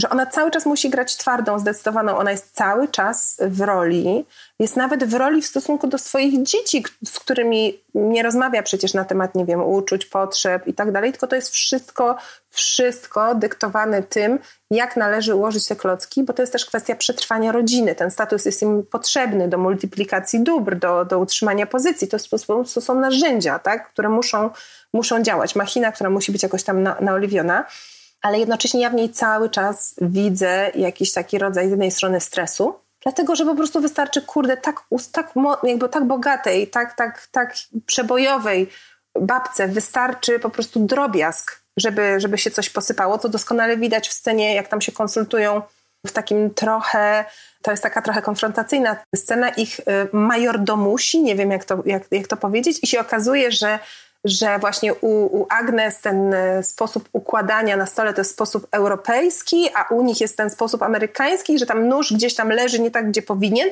I to jest taka pierdoła, która dla gości w, e, na przykład na balu u, u, właśnie u państwa Russell, gdyby przyszli na ten bal i tam by były po prostu najbardziej wysublimowane dania ich francuskiego kucharza, wszystko byłoby wspaniale, a oni by zobaczyli te sztućce, to by po prostu zabiło wszelkie szanse na, na awans społeczny. Więc kupuję ten stres i, i, I tę niepewność i to rozchwianie tej postaci, to, że jest w pewnym sensie irytująca i według mnie to wszystko się jakoś tak spina. No a właśnie to jest tak, że ja nie kupuję Kerry Kun w takiej roli, że według mnie jej postać nie, nie, mia, nie miałaby w sobie tego zachwiania. Ona miałaby gdzieś te konwenanse. Ona by była taką, wiesz, jak były y, bohaterki, nie wiem, teraz szczelam, ale wydaje mi się, że y, u Jane Austen były takie bohaterki, które były bardziej takie kontrowersyjne, że nie, nie przystawały do, do reguł, które panowały e, tam, wiesz, na dworze czy gdziekolwiek. I wszyscy na nie patrzyły, patrzyli, wiesz, e, z takim, e, no, grozili palcem, bo pokazały, nie wiem, kostki na przykład, nagie albo coś tam. I to jest taka postać, że ona by się nie przejęła właśnie tymi sztućcami, ona by się nie przejęła tym, że, że Krystyn Barański nie chce się z nią um, spotkać, na takiej zasadzie, że bardziej byłaby taka jak w tej scenie, gdzie jest ten bazar, taki, mm, że sprzedają tam rzeczy na, na sieroty bodajże, czy, czy coś tam i przychodzi właśnie ona z tym swoim mężem i on po prostu wykupuje wszystko w przeciągu dwóch minut i koniec bazaru, koniec tego spotkania towarzyskiego. No tak, tutaj dodajmy, że one nie chciały jakby jej na tym, na tym tak. wydarzeniu, więc on realizując cel tej zbiórki właściwie w dwie minuty, zabrał im sens wydarzenia, no bo on jakby cel został spełniony i to z nawiązką. Pieniądze zostały zebrane, ale jednocześnie cała celebracja, całe całowanie się w kuperki i, i gry towarzyskie, które się miały rozgrywać przez najbliższe tam kilka dni, zostały właściwie zniwelowane. Ale ja nie, ja myślę, że ona taka nie jest. Ja myślę, że taki jest jej mąż, a ona jest tą siłą, która jednak też jego usadza i w cudzysłowie cywilizuje, bo wie, jakie są zasady gry i rozumie, że no taki całkowity nonkonformizm i, i, mać, jakby olewanie zasad po prostu się na dłuższą metę nie sprawdzi, co potwierdza przypadek wspomnianej już pani Chamberlain, której ani pieniądze, ani inteligencja, ani dowcip, ani wiedza nie pomogły w wyrwaniu się z po prostu karnego jeżyka, na którym ją umiejscowiła e, śmietanka. No dobrze. Najbardziej lubię te wszystkie takie momenty, jak no właśnie robią sobie imperkę zakupową, żeby pomóc sierotom, a sieroty mają być szkolone do tego, żeby być służącymi i generalnie służbą. To jest po prostu kwintesencja kapitalizmu. No dobrze, to znowu coś nam się nie podobało. Znaczy, sensie mnie i to by się podobało, więc się udaliśmy, że się kłócimy na ten temat. No to dobrze, no tak jest, że czasami po prostu seriale i filmy no niekoniecznie muszą nam się podobać. Dobrze, teraz zapraszam na mój wywiad z Janem Dybusem, a my się widzimy za tydzień i mam nadzieję, że dowiemy się czegoś więcej o pozłacanym wieku. No mam nadzieję też, że się dowiemy czegoś więcej, bo e, wszystko wskazuje na to, że będzie nam o tym opowiadał Julian Fellows, e, czyli, czyli twórca e, serialu oraz zdeklarowany monarchista, dodam, więc, więc ciekawe, cóż tam się z jego uprzywilejowanych lordowskich ust wypuści. O. Dobrze, to dziękuję Ci Aniu bardzo. Do dziękuję. zobaczenia, usłyszenia. Do usłyszenia. Puk, puk, proszę nie spać, proszę słuchać. Bardzo miło jest mi gościć Jana Dybusa, reżysera i scenarzystę miniserialu Wilk Powiedz mi, bo Wilk jest krótkim metrażem, znaczy jest to serial krótkometrażowy i powiedz mi, skąd pomysł akurat na taką formę? Wiesz co, bardzo nam zależało w Wilku, chyba najbardziej, żeby ta historia była autentyczna. Jak najbardziej autentyczna i opowiedziała jak najprawdziwiej o, o, o młodych ludziach i gdzieś ta forma wydała nam się najbardziej odpowiednia, żeby do nich trafić, bo jednak jestem debiutantem, prawdopodobnie dużo osób nie obejrzałoby całego sezonu, który trwa po 6-7 godzin i gdzieś ta forma 10 minut no, mieliśmy wrażenie, że to trafi do ludzi, przyklei ich do ekranu na 50 minut i przekaże całą tą wartość emocjonalną i merytoryczną, którą chcemy, żeby usłyszeli. I, i gdzieś myślę, że to był główny powód, e, dla którego się zdecydowaliśmy taką właśnie formułę. No właśnie, mnie się bardzo skojarzyło to w tamtym roku bodajże, czy dwa lata temu e, było coś takiego w Ameryce, co się nazywało Quibi i to, był, to była stacja, znaczy streaming, który po prostu puszczał seriale, które miały kilka minut. I teraz Stąd moje pytanie, bo skojarzyło mi się to e, z tym, że po prostu generacja Z czy pokolenie Z może skupić uwagę na, no, na krótki czas. I czy właśnie taka forma oglądania wilka, czy to na telefonie, czy na telewizorze, czy na laptopie, po prostu sprzyja konsumpcji. W ogóle Quibi to jest fenomenalna sprawa. Ja bardzo się tym interesowałem na studiach i napisałem o tym parę esej, parę prac, bo wydaje mi się, że pomysł był genialny. Tam weszło dużo problemów e, ekonomicznych i, i czasowych, które nie wyszły. W ogóle cała ta machina, jaka tam została stworzona, kto za tym stał.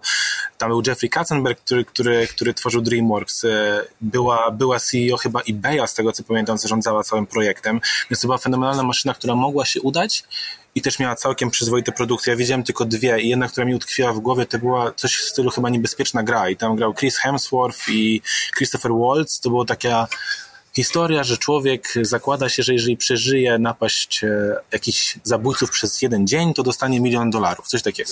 I, i naprawdę to się fajnie oglądało i, i ta imersyjność tej krótkiej formy gdzieś tam działała, ale wydaje mi się, że wracając do twojego pytania, przepraszam za taką dygresję, ale, ale ten temat jest jakoś tam mi bliski, e, że tak, mam wrażenie, że, że musimy gdzieś starać się wkładać takie przekazy mocno emocjonalne w między przerwy w innych rzeczach, które ludzie robią w ciągu dnia. No my jesteśmy non-stop przyklejeni do ekranu, walczymy o uwagę widza no, nie tylko z innymi filmami czy serialami, które są po prostu długie, ale również z takimi rzeczami jak TikTok czy Instagram, które w jakiś sposób uzależniają ludzi i potrafią tam spędzić wiele godzin. Zresztą sam jestem ofiarą TikToka.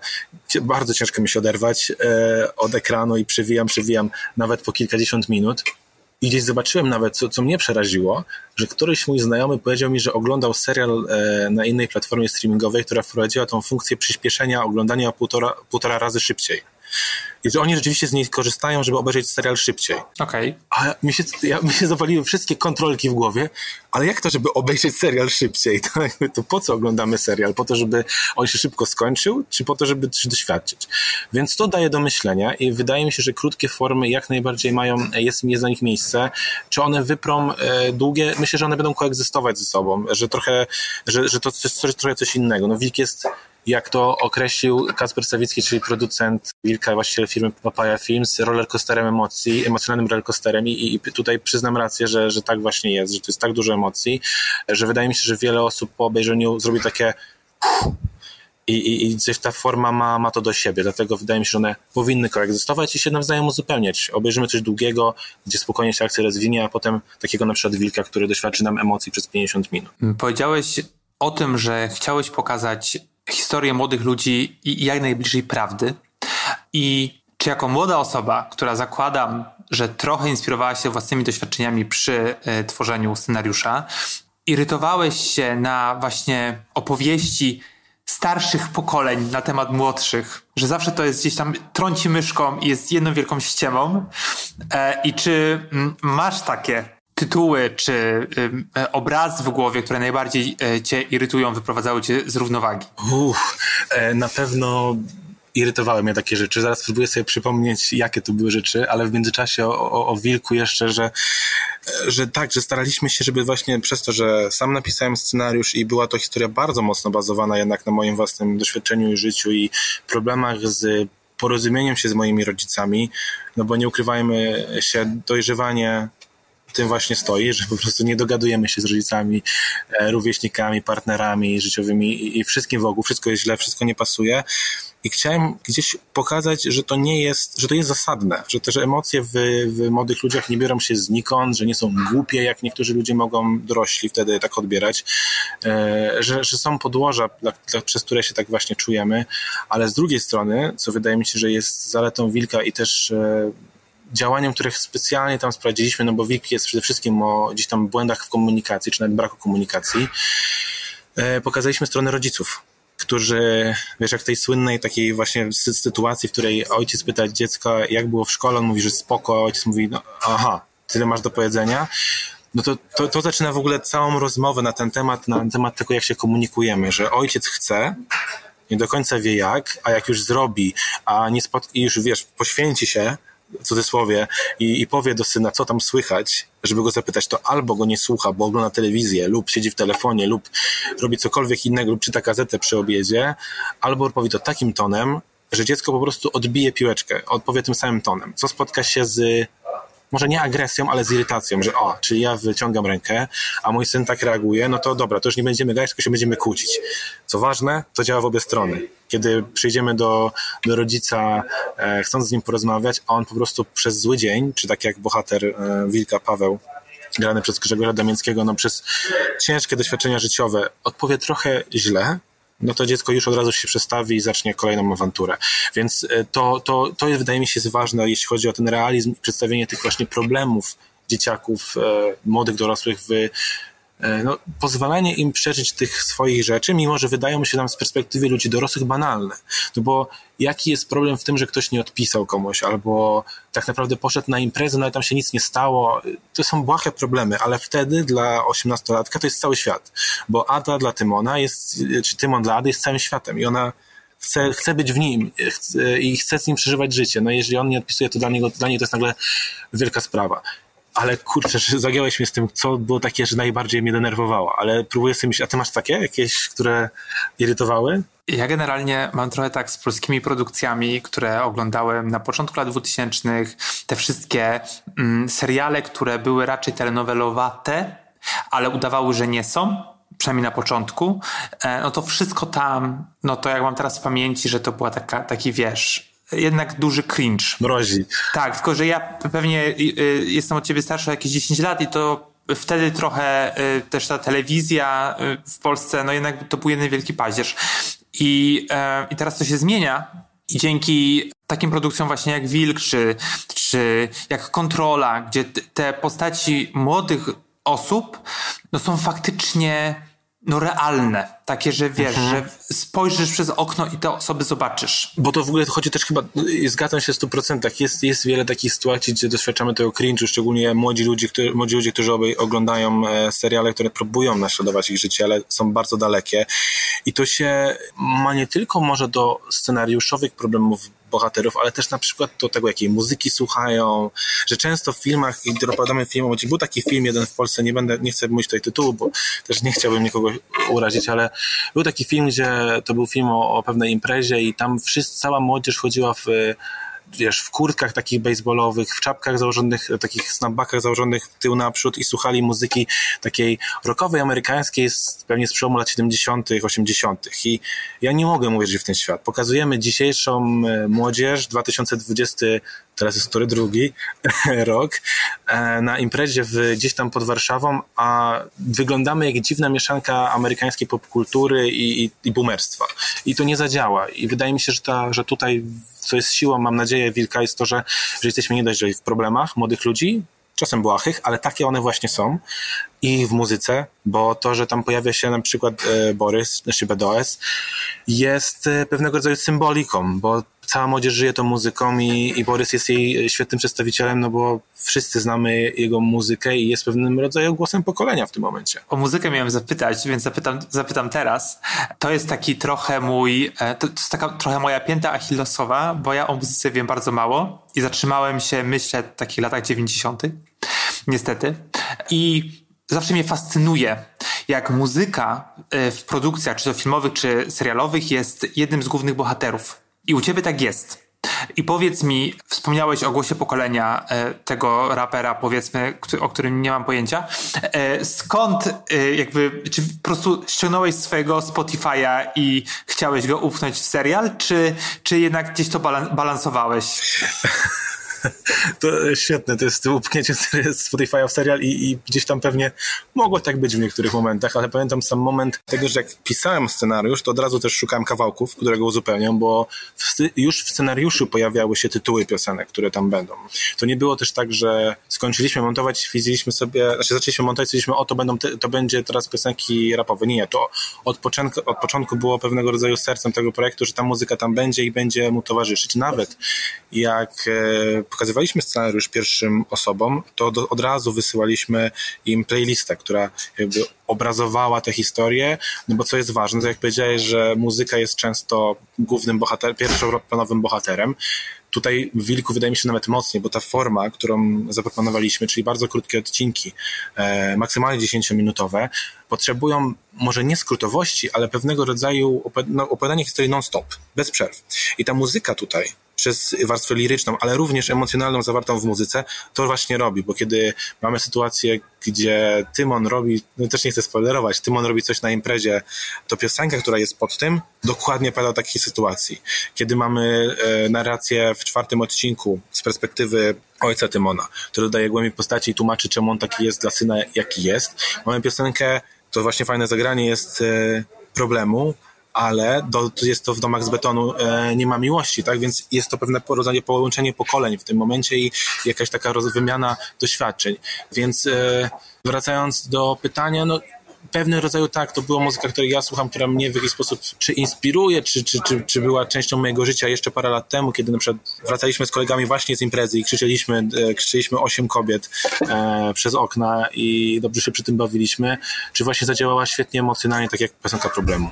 Powiedziałeś o scenariuszu i weszliśmy trochę na, na bohaterów. Powiedz mi, e, jak robiłeś casting i co cię interesowało przy szukaniu e, aktorów i aktorek, tych młodych i też właśnie y, tych, którzy grają rodziców. No to ja chciałem tu powiedzieć, że casting i wszyscy, którzy zagrali w, w Wilku, to była niesamowita dla mnie lekcja. E, sączyłem od nich doświadczenie jak gąbka, e, słuchając wszystkich słów e, z wielką uwagą, które mają do powiedzenia i, i mowa tutaj nie tylko o dorosłych aktorach, którzy e, zagrali rolę rodziców, ale również o Sebastianie i, i Wiktorii, którzy zrobili fenomenalną robotę. Jeśli chodzi o casting młodych bohaterów, to ja z Sebastianem skontaktowałem się już w ogóle na samym początku pisania scenariusza.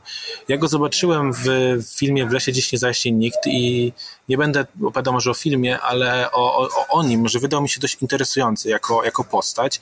E, potem zobaczyłem go w głębi lasu i wciąż znowu wydał mi się interesujący. A potem zobaczyłem go na stronie internetowej e, Teatru Studyjnego Szkoły Filmowej w Łodzi i dopiero zdjęcia, które tam zobaczyłem, jeszcze zobaczyłem innego człowieka, ogolonego na łyso, umięśnionego, zanurzonego po kolana w jakiejś rzece, patrzącego z takim grymasem trochę bólu, złości w kamerę. Ja zrozumiałem, że jak to jest różny człowiek, jak on może zagrać rolę i tego właśnie od Tymona oczekiwałem od początku, że będzie to chłopak, który no jest z dobrego domu, ma wszystko, co, co chce, ale nic w jego głowie nie jest, nie jest okej. Okay. Więc Sebastian pojawił się na samym początku. Koleżanka z Papaya Films, Alex Dębek, dała mi do niego kontakt i pamiętam, gadaliśmy przez chyba dwie godziny o jeszcze takiej wstępnej, wstępnej wersji scenariusza, no i fenomenalnie nam się rozmawiało. Wiktoria wysłała nam swojego self-tape'a i od razu wydawała nam się idealna do tej roli i, i wykonała fantastyczną robotę. Jeśli chodzi o dorosłych aktorów, tutaj historie są różne. Każdym aktorem było, było inaczej. E, jeśli na przykład chodzi o, o Magdę Boczarską, to trochę było tak, że to Magda w pewien sposób znalazła się, e, uderzyła do nas w pewien sposób. Bo, bo to jest w ogóle też właśnie bardzo ciekawe. E, Linda Golińska, która jest kostiumografką u nas w serialu, wykonała fenomenalną robotę. Dzięki temu ci, ci młodzi też wyglądają tak, jak powinni wyglądać, ale nie tylko. No, o, to jest coś, co właśnie, jak mówiłeś, e, cringe'uje w tych serialach o młodzieży, e, że te stroje są po prostu co to jest? Kto się tak ubiera? Ja nigdy, jakieś, jakieś takie, wiesz, nie wiem jak się nazwać, takie takie, wiesz, e, śliskie, śliskie kurtki czerwone, błyszczące.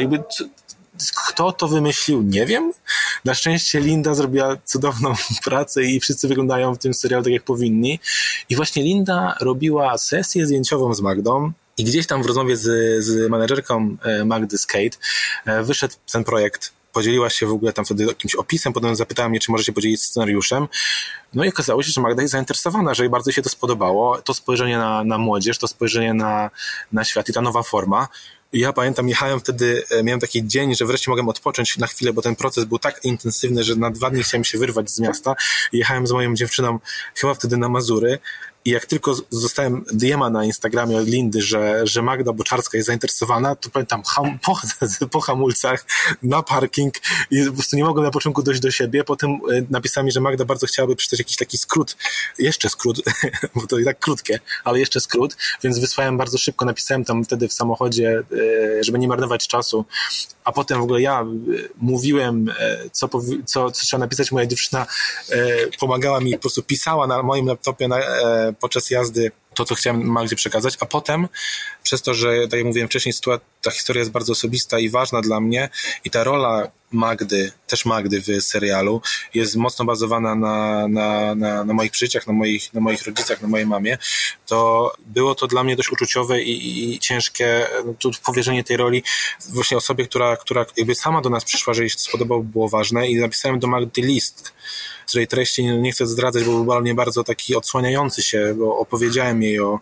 o swoich problemach i przeżyciach. I z tego, co Magda mówiła, to w jakiś sposób to sprawiło, że, że ona chciała w ogóle rozmawiać dalej i potem pogadaliśmy na, na różnych komunikatorach, bo to był chyba wtedy szczyt takiej pandemii i gadaliśmy, pamiętam, godzinę na, na Skype'ie no i dogadaliśmy się. Magda miała bardzo dużo też, też uwag co do, co do konstrukcji pewnej postaci i, i ja też te wszystkie uwagi wziąłem, wziąłem do serca i popracowaliśmy razem na, na, na, tą materiał scenariusza, co było fantastyczne.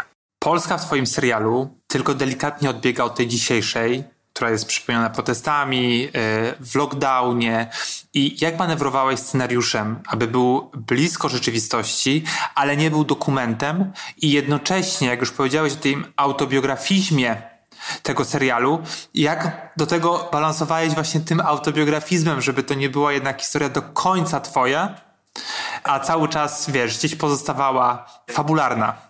E, to ciężkie pytanie, aczkolwiek e, myślę, że mam, mam odpowiedź i gdzieś jeśli chodzi o Polskę, e, to wydaje mi się, że odnajdujemy się w tej rzeczywistości nie tylko w Polsce, po pierwsze pandemicznej, zamknięcia, lockdownu i tego odosobnienia i pewnego rodzaju samotności. Mimo, że jesteśmy zamknięci w jednych pomieszczeniach, w jednych domach z rodzicami, to, to zamykamy się na siebie nawzajem i zamykamy się w social mediach, w sobie. I, I, to jest tak bardzo blisko wszystkich, nie tylko Polaków, ale całego świata, że, że bardzo łatwo opowiedzieć historię, która się w tym osadza.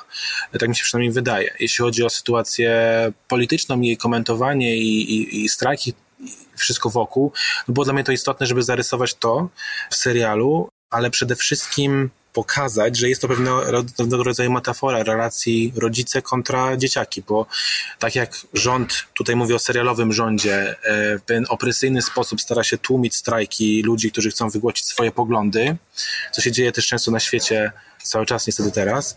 Tak samo rodzice w serialu w pewien sposób nie chcieli komunikować się z synem, żeby wysłać jego problemów. I, i ta, dla mnie ta metafora była dla mnie bardzo ważna i uniwersalność tej metafory. I, i tu u tej uniwersalności też, też trochę mowa, no bo to są moje problemy, ale jak zacząłem się dzielić scenariuszem z moimi rówieśnikami, nie tylko z Polski, bo scenariusz pisałem po polsku, następnie tłumaczyłem go na angielski i konsultowałem go z Charlesem Spano, który jest członkiem amerykańskiej gildii scenarzystów filmowych i on był takim partnerem dla mnie w tym, żeby tę historię powiedzieć jak najlepiej i zamknąć ją w, ty, w tych krótkich odcinkach. Fantastycznie mi pomógł i, i no, nieocenione to dla mnie było, ale dzięki temu, że tłumaczyłem to um, na język angielski, ja też studiowałem w Anglii i mam dużo znajomych nie tylko z, z Londynu, ale z całego świata, podsyłają im scenariusz, pytając ich właśnie, jak to się osadza w ich rzeczywistości. I dostawałem cały czas feedback, że ej, a ja miałem taką sytuację w ogóle, że podobną sytuację z ojcem, że, że powiedział do mnie tak złe słowa, że uciekłem i zamknąłem się u moich znajomych, nie dawałem znaku życia przez, przez parę dni po to, żeby zrobić mu na złość. I gdzieś to pokazało mi, że, że, że ta moja historia wcale nie jest wyjątkowa, że ona po prostu dotyka, dotyka nas wszystkich. I no, w tym wydaje mi się siła. Serial, tak jak powiedziałeś, jest krótki i ja przyzwyczajony do długich metraży, po prostu chciałem od razu obejrzeć więcej. Zobaczyć, co się, bo też kończy się takim cliffhangerem tak, i po prostu chcesz już włączyć dalszą część, zwłaszcza, że jesteśmy przyzwyczajeni do, do oglądania takiego kompulsywnego. I czy myślałeś o kontynuacji? Czy pisząc scenariusz, wiedziałeś już, co będzie dalej? No jest jest bardzo krótki, jak zauważyłeś. Tak jak mówię, zapakowaliśmy tam bardzo dużo emocji, bardzo dużo, bardzo dużo historii, które są tam nieprzypadkowo, no bo jednak czemu na przykład mówimy o rodzicach Ady, prawda? Czemu mówimy o rodzicach Tymona? Wydawało mi się, że pogłębieniem ich historii muszą być właśnie ich rodzice, bo skąd się wzięły ich problemy związkowe? I na to właśnie odpowiada odcinek czwarty i piąty, który wchodzi w głowy rodziców i daje nam zrozumienie, że te postacie nie są papierowe, nie, jest w nich głębia i jest w nich powody do takich zachowań. Mm, ale to, to swoją drogą. Ale jeśli chodzi o tak, no, dalszą część, no, ten cliffhanger na, na na końcu wiem, że trochę wstrętny, przepraszam, ale też miałem, miałem nadzieję właśnie, że, y, że utwi to w głowach ludzi i będą, będą chcieli więcej. No ja mam w głowie um, dalszą część tej historii. Myślę, że zaskakującą dla wielu e, kierunek. Jesteś e, debiutantem, tak jak powiedziałeś. Mm, co przed tobą? Czy już masz jakieś propozycje, plany, które możesz zdradzić? Zdradzić, no też tak. Po pierwsze, to była fantastyczna przygoda dla mnie. To, że w ogóle to się udało, że ktoś dał 24-latkowi zrobić serial e, taki, taki kaliber. E, to jest zasługa Wielka Papaja Film z Kacpra Sawickiego, ale też producenta Michała Wojciechowskiego, którzy, którzy wykonali fantastyczną pracę i pomogli mi to zrobić i gdyby nie oni, to nie wiem, co bym teraz robił. Pewnie dalej się dobijał do, do Kacpra, do jego, do jego drzwi, żeby dał mi cokolwiek zrobić, bo od tego się w ogóle zaczęła cała historia, że ja po prostu prosiłem go, żeby, żeby, żeby mi coś dał, ale prosiłem, to dużo powiedziane, no walczyłem.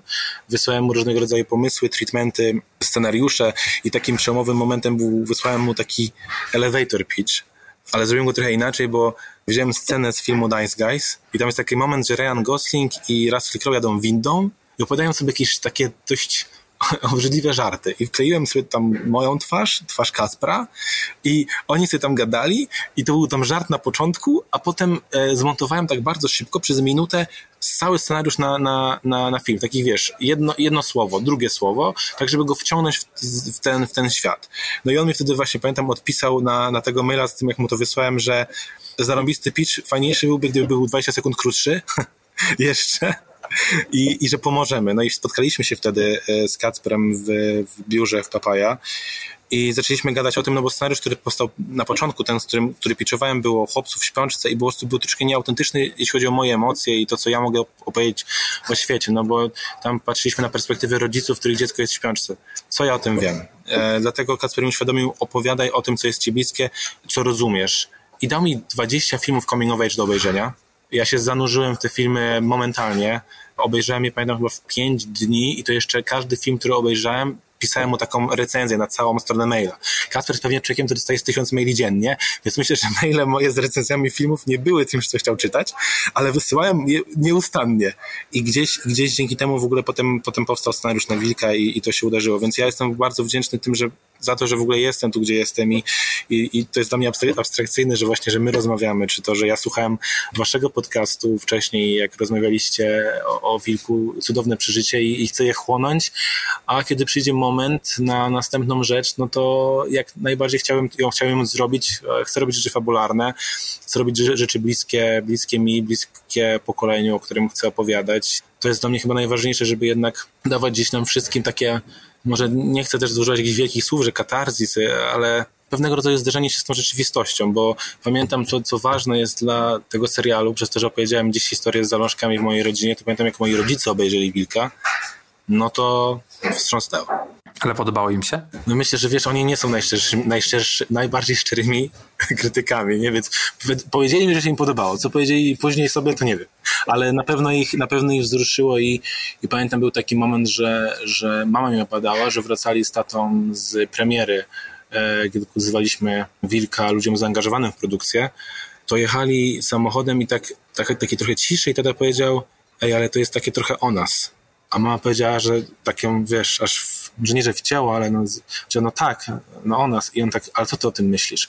I wydaje mi się, że co jest ważne, to jest dla powiedzenia, przecież to jest w jakiś tam sposób zhiperbolizowana biografia, że ja umieściłem części swojej rodziny i wszystkiego w dwóch tych rodzinach. Wady i Tymona.